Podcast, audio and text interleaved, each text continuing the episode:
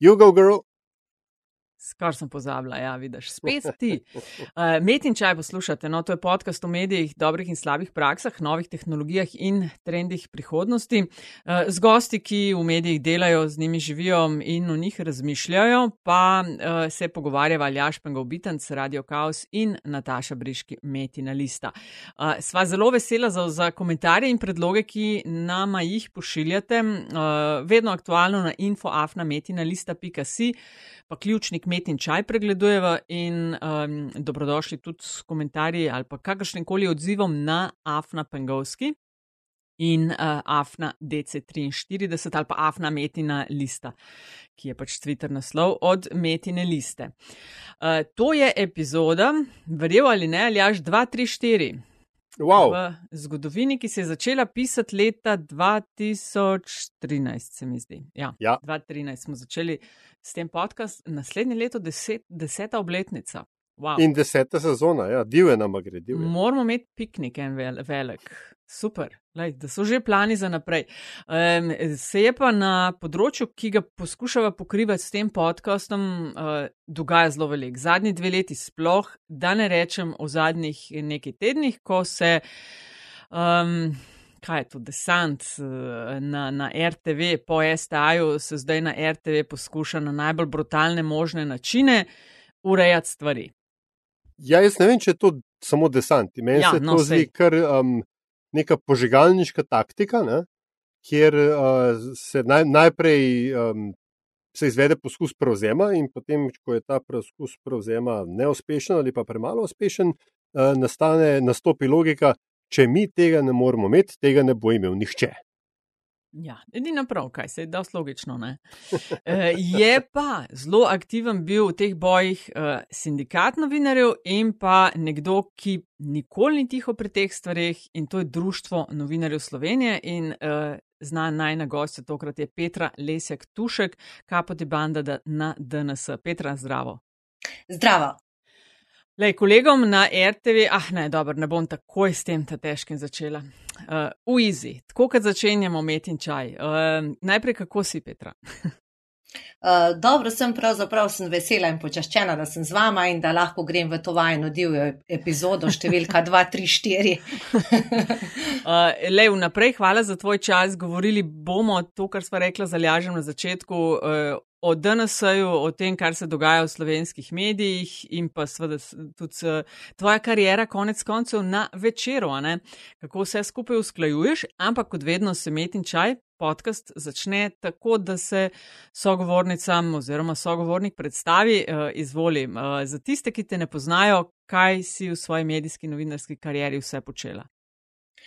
Začela sem pravzaprav uh, z osrednjo temo ali pa na osrednji tematiki, o kateri bomo danes govorili na RTV Slovenija, na Radio Slovenija kot dopisnica iz Koroške. To, da sem Korošica, uh, se mi sliši, mislim, da se mi vedno bo kljub melodiji, ki, oziroma kljub poskusom nekega zbornega jezika, ki smo se ga učili prav na Radio Slovenija, pa nekaj smo se celo naučili, ampak dobro, melodija je ostala, pa ni kaj narobe za to, melodije gora so tu pri nas. Uh, sicer pa potem kmalo po nekje sedmih letih dela na RTV-ju uh, sem šla pa delati na večer, kjer sem pol tudi ostala, uh, ker sem nekako takrat uh, zaznavala, da mi je mogoče uh, pisanje uh, bolj izrazno sredstvo kot govorjenje, uh, pa zdelo se mi je nek Takrat so bili mediji mogoče še bolj ločeni kot danes, ko vsi že počnemo vse, da mi je pisanje morda bolj pisano na kožo. Tako da v tem smislu um, novinarska pot, uh, nikoli nisem zapustila Koroške, tako da sem se pač navadila voziti med uh, Ljubljano, Mariborom in Ravnami na Koroškem, uh, ampak nekako uh, smo navajeni, uh, da rinemo, če tudi nimamo tretje razvojne vsi. Aha, a vi ste tako na kočevju, na- v kočevju, ne? Ja, Ker za podobna tvoja usoda. Ja. Nekaj deset kilometrov krat dva običajnega uh, časa, ki ga ljudje porabijo za to razdaljo. Uh, ampak vse vse te je pa verjeten mal prizemljiv, no, prizemljiv. Uh, vse nisi bila tako verjetno na poti zaradi COVID-a tudi. A se de dela zdaj več stvari tako nadaljavo ali uh, je nazaj tam, kjer je bilo 2019? Nekaj te daljave se je prijelo, tako da vseeno ni treba več, tako kot nekoč za vsako stvar, fizično prisoten biti v Mariboru ali pa v Ljubljani. Čeprav po drugi strani pa vseeno težimo bolj nazaj spet k temu fizičnemu stiku, tako da spet več poteka, konkretno v prostorih večera, recimo, pa zdaj sploh, če pričakujemo ne vem koliko žival, se mogoče še med tem malo podružimo, preden nas spet zaprejo ali pa se bomo prisilno zaprli. Um, pa vendarle, danes se s tabo pogovarjava, v, predvsem v vlogi šefice Društva novinarjev Slovenije, ker je tudi, nalo, je tudi naloga, oziroma set nalog, ki ga uh, opravljaš že vrsto let. Ko si to prevzela, uh, mislim, da od Matija Stepišnika, uh, ja. si si mislila, da se boš ukvarjala s takimi rečmi, s katerimi se ukvarjaš danes? Uh, ne, iskreno rečeno, ne. Uh, se, včasih je res dobro, da človek ne ve, v kaj se spušča, ker verjetno ne bi šel v to neko samomorilsko misijo. Uh, glede na to, da je to dogajanje toliko turbulentno, sploh v zadnjih dveh letih, uh, si gotovo ne bi mislila, še posebej potem, ko sem se odločila, da sprejmem še en mandat, oziroma da se odločim, uh, da, da grem še po en mandat. Uh, tako da to uh, je bilo v tem smislu nepričakovano. No? Vedela sem, da bo naporno, uh, vseeno pa ne tako, tako zelo, kot je v bistvu zdaj v teh časih. Ker, gledaj, ko smo se, mislim, da je to že ne vem, nekaj smo se že uh, pogovarjali ne, v, v tem podkastu, mi trije.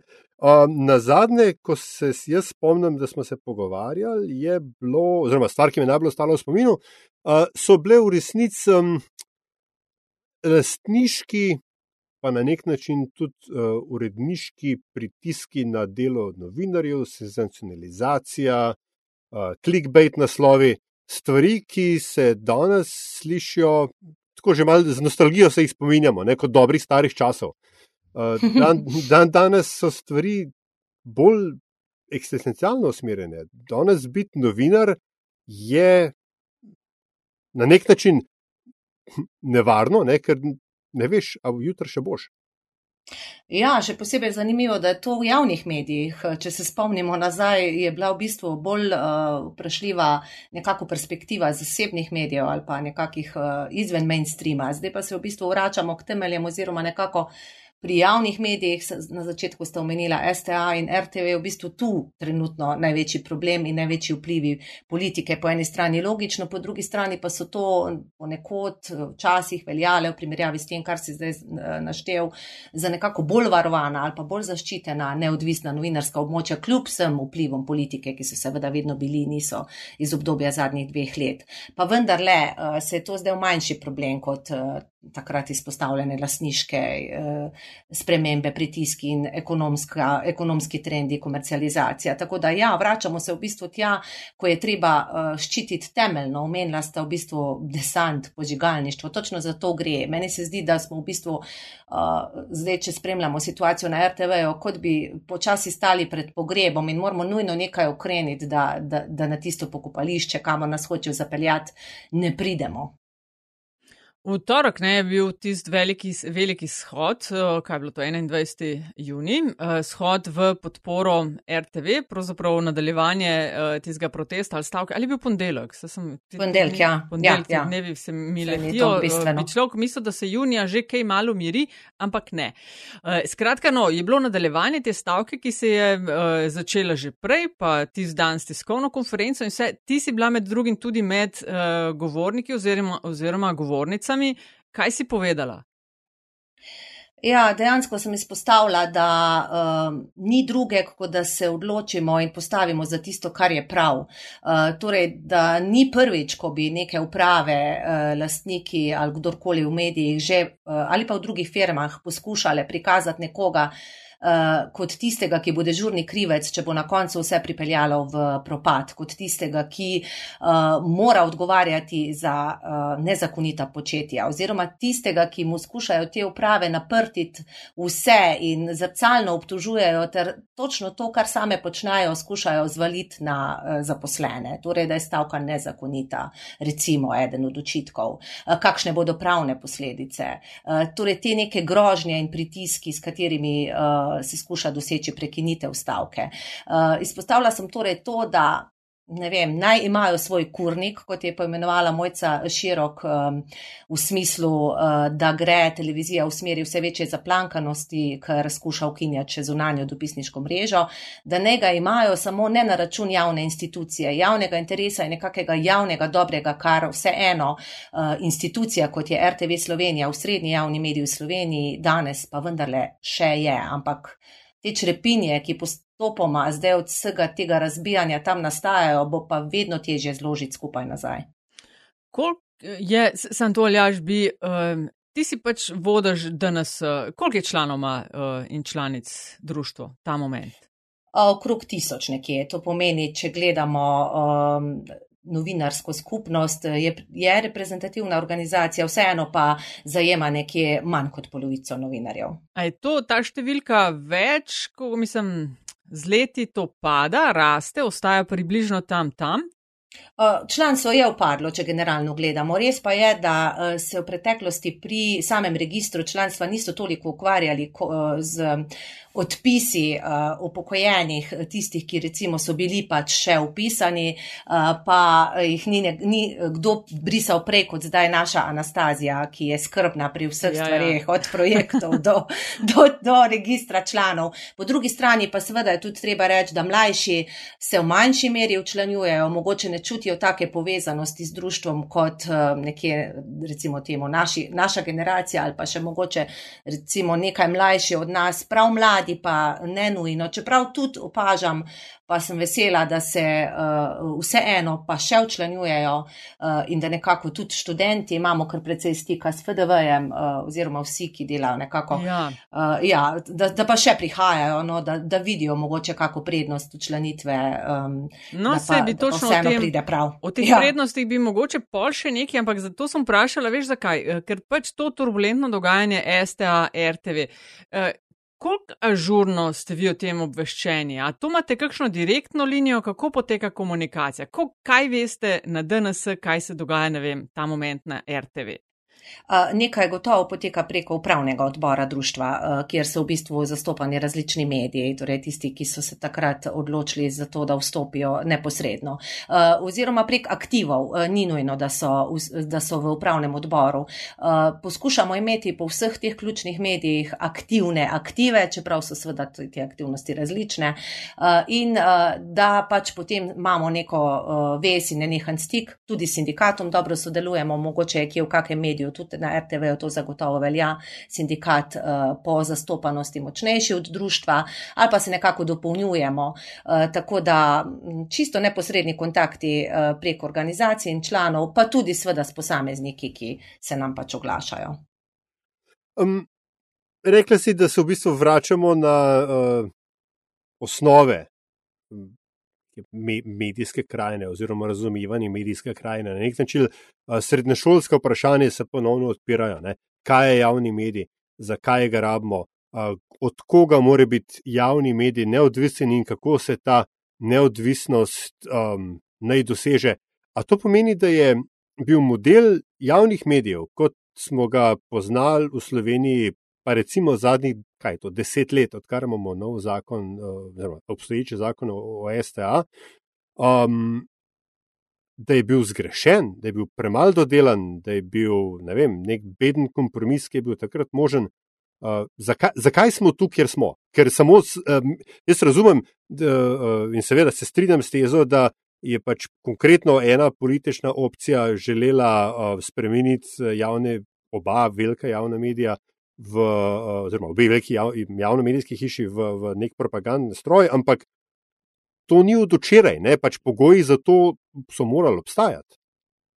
Ja, gotovo to ni od včeraj uh, in tudi v bistvu ni na nek način zapisano v zakonodajo, čeprav deloma ja, ker vemo, kdaj je nastala ta zakonodaja, sploh kar zadeva RTV.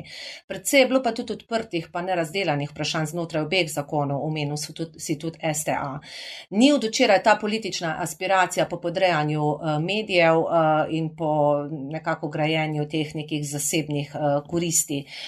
Je pa gotovo v najbolj intenzivnih intenzivni in brutalni obliki to bilo izraženo v obdobju Jančeve vlade, uh, ko pa seveda niso skrivali uh, da to želijo popolnoma podreditev po eni strani s finančno izčrpanostjo STA, do, dokler ta podreditev ne uspe in pa seveda toliko bolj pomembno, še zlasti pred volitvami, uh, dosegom televizije zlasti, manj kot radija, ki se je nekako bolj uspel pred temi pritiski zavarovati, nikoli ni bil tako zanimiv z vidika nekih politične, političnega dosega kot pa televizija.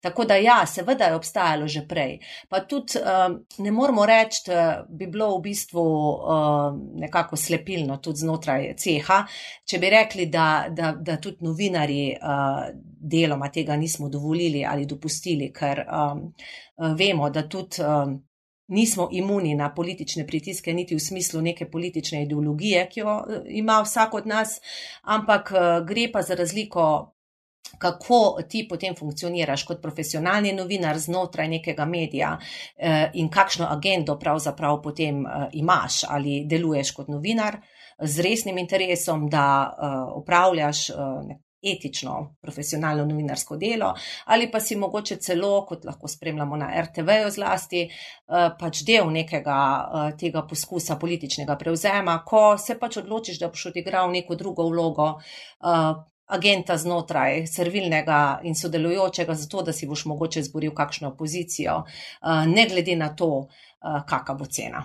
Namreč, eh, ker pač moja teza, ne, ki je na nek način mogoče um, uh, ugodno intelektualistična, ne, ker sem vendarle zunaj uh, tega ne, neposrednega um, kroga dogajanja, je, da ne moreš pričakovati od politike, ki si, kot smo ugotovili, vendarle ne, na nek način želi imeti eh, nek, nek obseg nadzora nad javnimi mediji, ne more pričakovati od politika, da bo vzpostavila mehanizme, ki bi ji ta nadzor v končni fazi onemogočali. In se mi zdi, da je tukaj pač ta nek intrinzičen konflikt, ki, um, vsaj gledano za nazaj, onemog, pač, oziroma perpetuira ne, to isto dilemo in ta ista vprašanja, ki so danes v teh tednih tako jasno izražena. Uhum, absolutno gre za protislovje. Eh, podobno, kot če bi gledali zasebne medije, eh, da od lasnika pač ne pričakuješ nobenega vpliva. Po drugi strani pa ravno to prepoznanje, zdaj sicer imamo hudo napoved eh, depolitizacije z novim zakonom, skratka res umik politike tako iz organov nadzora kot upravljanja, pa vendarle vemo, da formalno tudi ne moremo rešiti vsega, ampak nek začetek recimo temu je. Hočem reči to, da isto v bistvu kot um, um, zasebni lastnik medija mora čim prej ugotoviti, da ne bo imel vpliva s tem, ko ne bo dopuščal neodvisne, uh, samostojne, profesionalne uh, novinarske, uredniške politike, da v bistvu na ta način zgublja. Podobno v bistvu, ne glede na kritiko, čeprav je ta včasih pač um, mogoče manj prizanesljiva, ko gre za politiko, podobno, če pričakuje v bistvu oblast, lahko pravzaprav doseže ravno nasprotno. Torej, če dalje večji pritiski pomenijo potem tudi vsaj na nek način, če dalje več upora, čeprav se je zdelo tu na RTV, da upora ni dovolj, ampak mislim eh, tudi drugo vrstnega upora, ne zdaj samo s protestnimi shodi ali stavkami, kot so se zdaj do te mere pač eh, razvila nasprotovanja eh, tem poskusom. Tako da, ja, po eni strani popoln konflikt, razumem, o čem v bistvu razmišljaš in smo vedno bomo nekje v tem protislovju in nekakšnem absurdu znotraj tega, po drugi strani pa. Vseeno, da se ustroj postaviti na tak način, da ni odvisen od vsakokratne politike, koliko je pač to mogoče. Da vseeno so neki zaščitni mehanizmi, ki dopuščajo to samostojnost, neodvisnost, uredniško, novinarsko, institucionalno avtonomijo, o kateri govorimo kot takih velikih besedah, potem pa včasih padejo na drobnih stvarih praktičnih.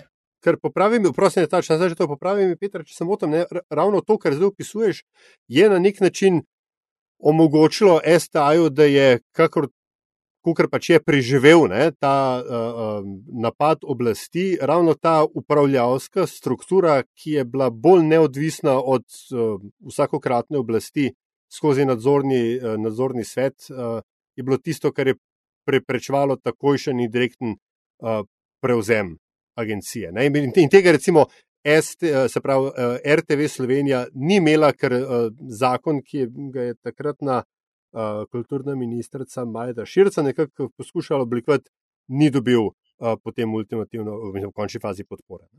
Ja, točno tako. Hkrati pa pri STA je mogoče bila oleševalna okoliščina, če prav včasih govorimo o teh mešanih zavodih, uh, tako malo zadržkom, pa vendarle se je tule izkazalo vseeno kot kar pomembna uh, okoliščina ali pa ta ureditev, ki jo STA v osnovi ima, torej da pač pridobiva tudi sredstva na trgu.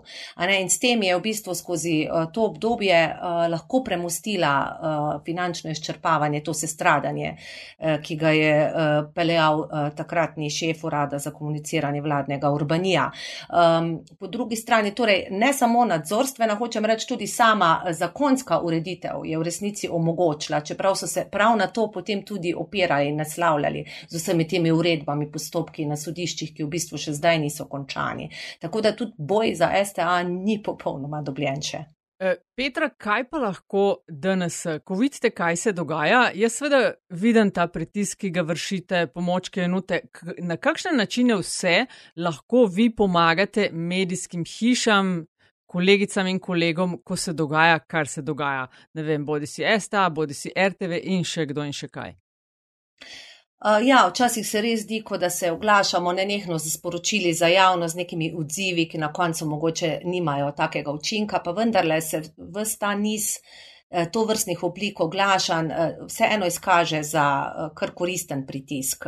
Zdaj te oblike pomoči ali pa sodelovanja s kolegi so različne, nekaterim časih je celo bolje, če odziva ni, pa se mogoče strateško počaka, medtem ko kdo drug pač v bistvu pričakuje takojšno reakcijo ali pa mi ocenimo, da je takojšna reakcija potrebna. Vsekakor se meni zdi pomembno, da, da nismo tiho, zlasti, ko gre za take grobe kršitve, čeprav se včasih zdi, da ne vem, lajamo v luno ponovno ponavljamo iste stvari, da smo že uh, izčrpani uh, od vsega tega, da mogoče pač ne vem, to ni uh, zadosti učinkovito.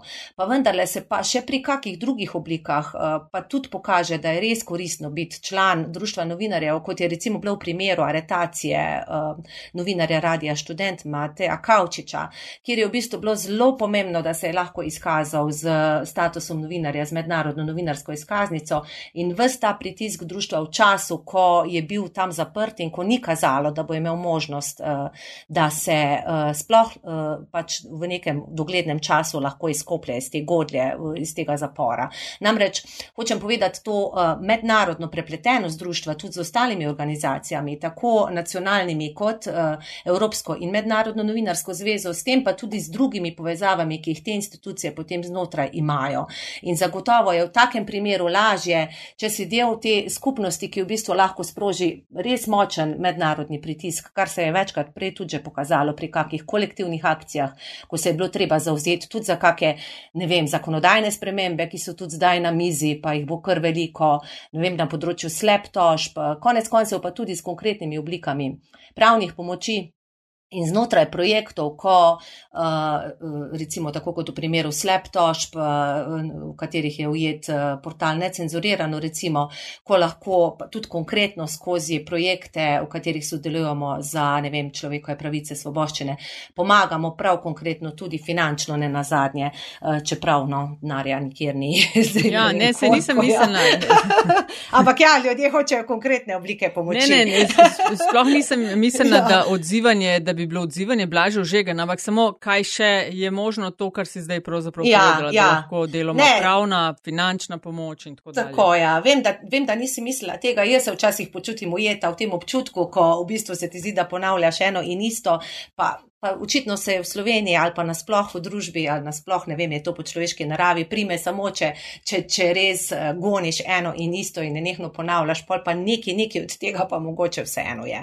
Ja, v pripravi je zdaj ok, pač prenova tega zakona o RTV v javnosti je zadnje mesece krožilo več različic. Ena je ta, ne vem, koalicijska, pa mislim, da je pravna mreža nekaj pripravljala, pa potem so, mislim, da je četverček upokojenih novinarjev RTV z enim predlogom prišel. Uh, preden mogoče kakšno besedo o tem rečemo, kdaj mislite, glede na stanje stvari in seveda, da se uh, upošteva vladavina prava in poti, ki so na voljo, legalne, kdaj ocenjujete, da bi se to kampanje, ki ga zdaj lahko gledamo, v, na RTV lahko ustavilo? Ja, realno kaže, da pravzaprav ni mogoče pred koncem leta, čeprav je to uh, proceduro vlada v bistvu pognala in uh, vložila zakon že. Um, vendar pa glede na te postopke in skoraj gotovo lahko pričakujemo tudi referendum na, na ta zakon, je težko verjetno, da uh, bi to bilo sprejeto prej.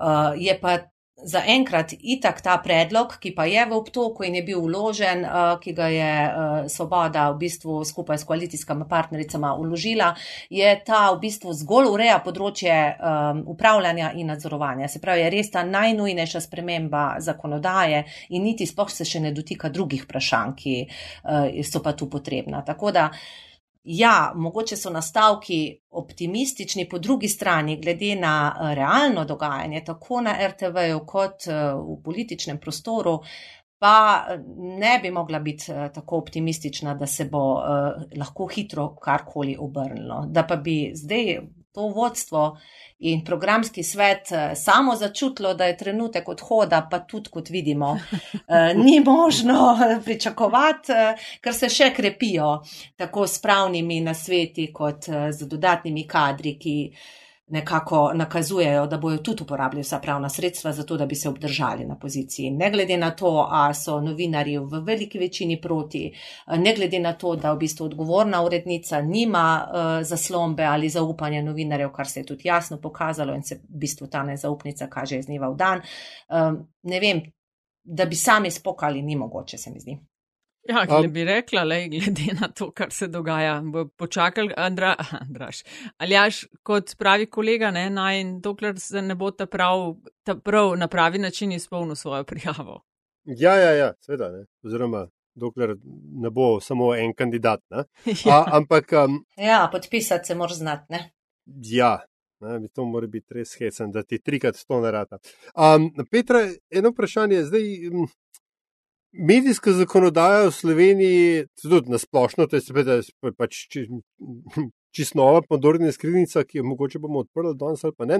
Ampak medijska zakonodaja je nekaj, kar, na, na čemer lahko vsakokratna oblast um, porabi cel kup političnega kapitala. Uh, s tem, da je, um, da grdo rečem, uh, return on investment, ne, relativno majhen, vsaj kratkoročno. In seveda vedno obstaja pač ta nevarnost, da tudi če se kaj popravi, zdaj, kar se zakonodaje RTV slov tiče, da bodo te spremembe minimalne. Nekaj si že omenila, da to, kar je zdaj v obtoku, da je najnujnejše od najnujnejšega. A, kaj pa je tisto, kar bi bilo zares treba m, spremeniti, urediti, da bi se prihodnost javnega servisa vsaj srednjeročno bila mečken manj um, dramatična? Uh, ja, najnujnejše od najnujnejše je potrebno samo zaradi tega, da se dejansko res omogoča vsaj po tej formi zakonski umik politike iz uh, programskega sveta, uh, ker tam je najbolj evidentno, da pravzaprav vse se tam začne in konča in pade ali pa se sprejme. Uh, tako kot je zdaj zastavljeno, uh, nakazuje opcijo, da bi res civilna družba oziroma stroka in zaposleni imeli ključno težo pri teh odločitvah. To se mi zdi dobro in to se mi zdi pomembno v bistvu tudi za druge stvari. Nasplošno pa to, kar si mogoče tudi v začetku nakazal, pa se nanaša bolj tudi na, na neko vlogo ali pa mogoče je to pretirano, pa vendarle poslanstvo, kot rečemo, javne RTV mora biti, po moje, tudi nekako redefiniran in na novo vzpostavljen, pač v bistvu vsta obseg javne službe, ki naj ga upravi uh, ta javni zavod. Tu se mi bi zdelo kar pomembno, v bistvu mal tudi stopiti v korak s časom, prevetriti, pregledati v bistvu vsta širok spektr vsega, kar upravlja um, javni RTV, tudi z vidika, prej smo začeli z dvema bolj odmaknjenima regijama, ki nima, ki nima ta tretje razvojne vsi, tudi z vidika pokrivanja te lokalne vsebine in te te lokalne informacije, ki je za ljudi izrednega pomena in jo na nek način sicer dopolnjujejo ali pa nadomeščajo uh, regionalni, lokalni mediji, pa vendar se mi zdi, da je tu uh, ena točka, kjer bi se RTV pa morala v prihodnje tudi ukrepiti uh, na različnih področjih. Tako da jaz bi ta, tu videla kar pomemben del neke opredelitve, kaj vse, čeprav spet ni dobro, verjetno, da to politika opredeljuje, zato bi tu bilo treba kar tudi vključiti zaposlene oziroma stroko, um, da, da, da bi pač to uspela opredeliti. To se bi mi zdelo kar pomembno. Pa so pa še druge stvari, ki so uverale delo zdaj, pa ki so spet v bistvu bile del teh nenehnih političnih medsebojnih pritiskov in kregari od popravka recimo ki je totalno neživljenski, do teh v bistvu eh, kategorij, ki pa zadevajo te medsebojne razmerja med bravstvom, poslušalstvom, eh, gledalstvom, torej v primeru televizije gledalci, torej tudi, tudi ta razmerja nekako opredeliti. Dost, dost izzivov tudi z vidika nekega digitalnega tehnološkega napredka, ki je vmes, ko so se toliko ukvarjali s statusom, ne vem, regionalnih centrov, statusom MMC, tako, kar je kar mal pobegalo no, po tej vsebinski plati ker gledaj, vsakeč sproti ne, se. Um, Vse, ko prej, ko, ko ta debata uh, pride spet v javnost, oziroma zaživi, se pojavi vprašanje, pa zakaj jaz plačujem v njih 12,75 na mesec? Kaj imam jaz kot državljan od tega?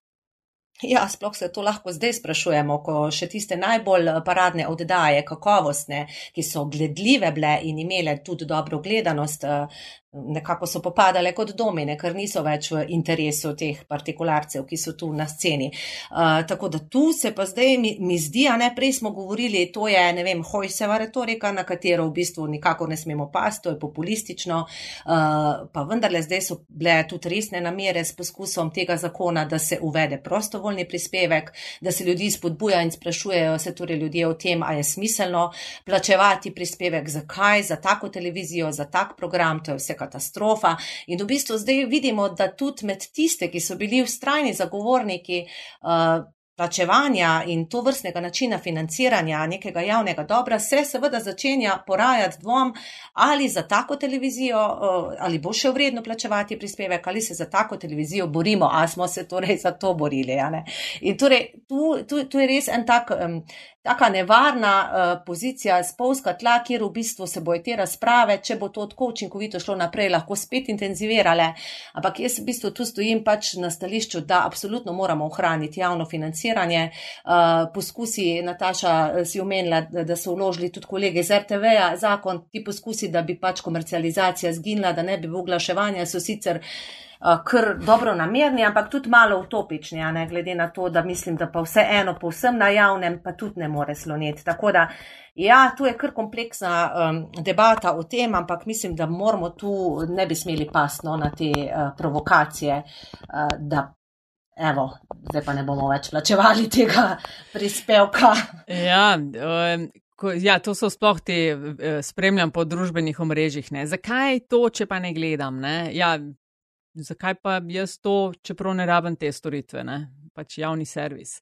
Uh, to, kar vse si omenjala, zahteva Madonna. Človeka in pol, ampak ne, ti delaš v bistvu na polno na večeru še, ne? Kako to usklajuješ? Ja, moram hoditi v službo celo. to sta dve veliki službi, se mi zdi. uh, ja, v bistvu, glede na to, da vseeno sem kar ti, eh, tak tip, no, da hočem imeti stvari v redu narejene, um, uh, je, je, je kar zahtevno. Uh, Mal lažje je zdaj, ko imam uh, že večjih črki, pa uh, sta že polnoletni in samostojni. Tako da v tem družinskem smislu se da čas razporejati uh, malo drugače, kot pa recimo pred leti še. Uh, pa vseeno. Uh, ja, večerovka sem tudi nekako, mislim, da smo vsi taki, bolj kot ne na večeru, da smo kar precej žarom in strastjo in tako nekako pripadni in zavedni, ne glede na spremembe lasništva in ne glede na to, da se včasih malo grajujemo od lasniških praks, kar je tudi prav. Um, tako da, ja, to službo v bistvu rada upravljam. Uh, tu se mi pa tudi zdi pomembno na društvu, uh, da, da vseeno skušamo vsej Vse je nekaj zadržati, če že nekaj bistvenega spremeniti, ker vidimo, da pač se ukvarjamo s tem, da zadržujemo to, kar v osnovi smo. Uh, tako da, ja, pač delam, stajam pa v petih. Tako da to pa ja. to pa vstajam, zato ker vstajamo tudi zato, da uh, črko Dašo prepeljemo na bazen, ker plava že na jutranjem treningu in če ona to lahko, se tudi meni zdi, da ne sme biti nič pretežko tako zgodaj, če lahko skočiš v vodo. um, kot um, vodja in ekipa sploh, ki delate Društvo novinarjev Slovenije, uh, In si zdaj na dolgo in široko smo slišali, o čem in eh, zakaj se borite in kakšno delo imate. Kaj pa, ko klepetaš s kolegi iz drugih držav, ker predvidevam, da stike imate z partnerskimi, sestrskimi ali bratskimi organizacijami po Evropi, pa jih šire. Ne? Eh, a se s podobnimi stvarmi ukvarjajo, kakšne so razlike, o čem se menite? Ja, več ali manj ugotavljamo, da so problemi povsod podobni. Uh, različno, seveda, skozi različna obdobja, ali pa da rečem celo, um, ne vem, posamične situacije politične v državah. Povsem različno, no, v resnici, ampak um, ne vem, prej smo se pogovarjali s kolegi Hrvati, zdaj je Maja Sever iz Hrvaške nova predsednica Evropske zveze novinarjev postala, kar se mi zdi zelo dobro tudi z vidika tega uh, povezovanja na Balkanu. Uh, prej so Hrvati recimo nam m, bliza zgled, kam nočemo iti, zdaj pa so, ne vem, po lestvici medijske svobode pred nami, tako da recimo tako se učimo pri najboljših. to recimo so ene debate, drugače pa tudi, kar se pa drugih projektov tiče ali pa nekega sodelovanja pri konkretnih spremembah, um, ki so pa že povezane pa s tudi kakimi poskusi eh, eh, sprememb zakonodaje na evropski ravni ali pa nekih novih, pa se mi zdijo te debate dobre z drugimi, ne vem, recimo skandinavci, ki so pač nekje spredaj vedno ali pa ne vem, v vrhu lestvice medijske svobode in imajo mogoče kakšne druge predloge, ideje in kakšne pač druge izkušnje. Tako da v osnovi pa ja, novinarske težave so v bistvu povsod podobne. Eh, zdaj ta turbulenten, konfliktni svet vojn, ki jih očitno pač nikoli ne bo konc pri prinaša tudi veliko teh debat o varnosti oziroma nevarnosti eh, novinarjev. Eh, tudi tega je predvsej, eh, tudi naši kolegi so odhajali v Ukrajino ali pač v bistvu prej na neka druga krizna žarišča. Tudi tega je veliko povezovanja v smislu pač nudenja nekih varnosti na svetov, veliko je recimo tudi tega coachinga bilo skozi določene projekte. Tako da, ja, kar raznovrstno, pravzaprav to, o čem tu mi debatiramo, samo mogoče manj specifično, pa mikro in partikularno, pa mogoče manj konkretno, osebno, ki se skozi enimi in istimi stvarmi in ljudmi ukvarjaš v tem malem, našem malem uh, slovenskem terenu. No, koliko je pa debat znotraj DNS-ja z člani in članicami, ker zakopani ste v reševanje takočih zadev, tega, da sploh uh, lahko smo, so uh, novinari in novinarke, da mediji delujejo kot neka obrtniška pravila narekujejo, torej, ne vem, profesionalno delovanje, ne pa lojalnost in PR eni ali pa določeni stranki. Kaj pa prihodnost medijev in novinarstva? Kje jo vidite, kaj, treba, kaj bo treba znati, česa se bo treba naučiti, da bomo lahko bolje, eh, ne vem, servisirali, služili narodu. Uh, to pa si zdaj povedal.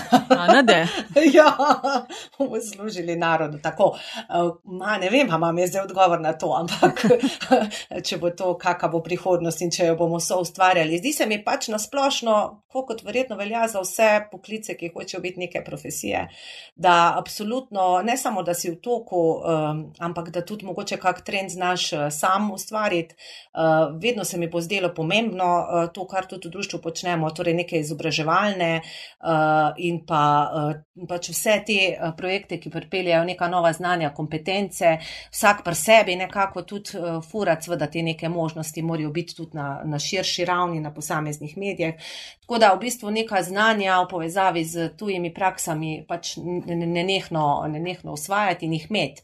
Pri mladih pa ne vem, jaz mislim zanimivo, glede na to, da so vsa uh, leta govorimo o krizi v medijski industriji, pa vendarle je kar še precej interesa za pokliče, prav raje odhajajo v PR-a pa v neke druge službe, ki so tudi bolj donosne, ker tudi plače tu pri nas niso glih neki, kar bi bili, bila primarna motivacija za delo v novinarstvu.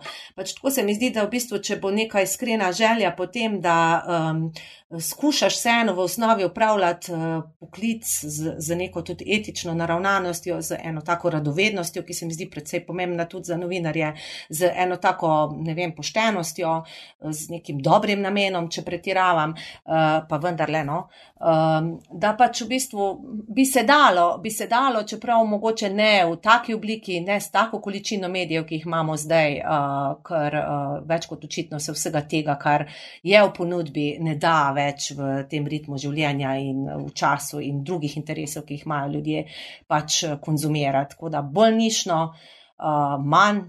Mogoče tudi eh, na splošno dnevno informativni mediji razmišljati o tem, da je včasih manj več, manj novičarsko, bolj poglobljeno, manj stvari.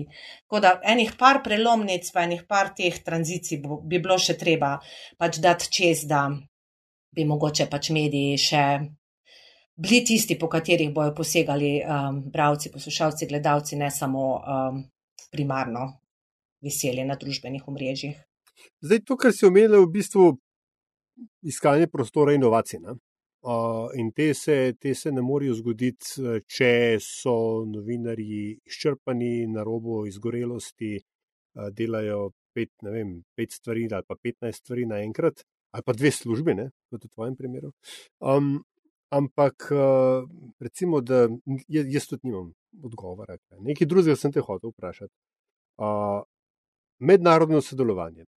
Leta 2013 se je zgodilo, da so tuji investitorji v kupci obveznic odkrili Slovenijo in so rekli, a kaj mi to imamo, a gre to v bankrot. In so potem preleteli v Slovenijo in so, in so začeli zelo na hitro razkrivati, kaj kdo je, kdo ni, kje so dobre, kje so slabe strani našega gospodarstva. Takrat, zdi se, da so leta 2020 um, mednarodne novinarske organizacije odkrile Slovenijo. Ker naenkrat uh, so se vsi začeli ukvarjati z stanjem medijev v Sloveniji, ker do takrat je Slovenija, pač ne kot si sama rekla, veljala za zgled vsaj v regiji, če že ne širše. A je to zdaj, ta nova dinamika dobra ali slaba? Ja, kako se vzame, malo so šli čez Mačarsko, zdaj pa vidimo, da to ne bo pot, po kateri bi v bistvu hodili, se malo umikajo. Ti. Ja, po eni strani v bistvu žal smo mogli postati zgled na točki, ko uh, se v tujih medijih pač pojavljajo so diskreditacije, ki smo jih bili v domačih strani politike že kar precej navajeni. Uh, tako da to mogoče ni bil.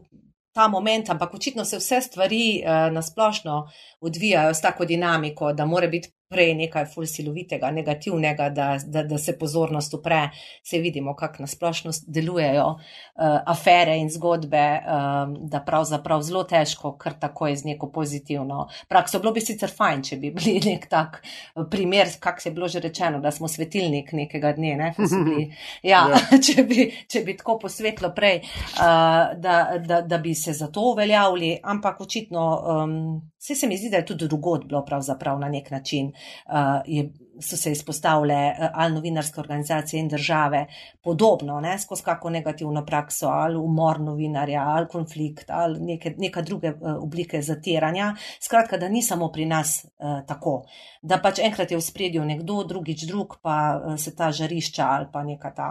Uh, posamezna uh, aktualne točke, neuralgične, malo menjajo tudi. No.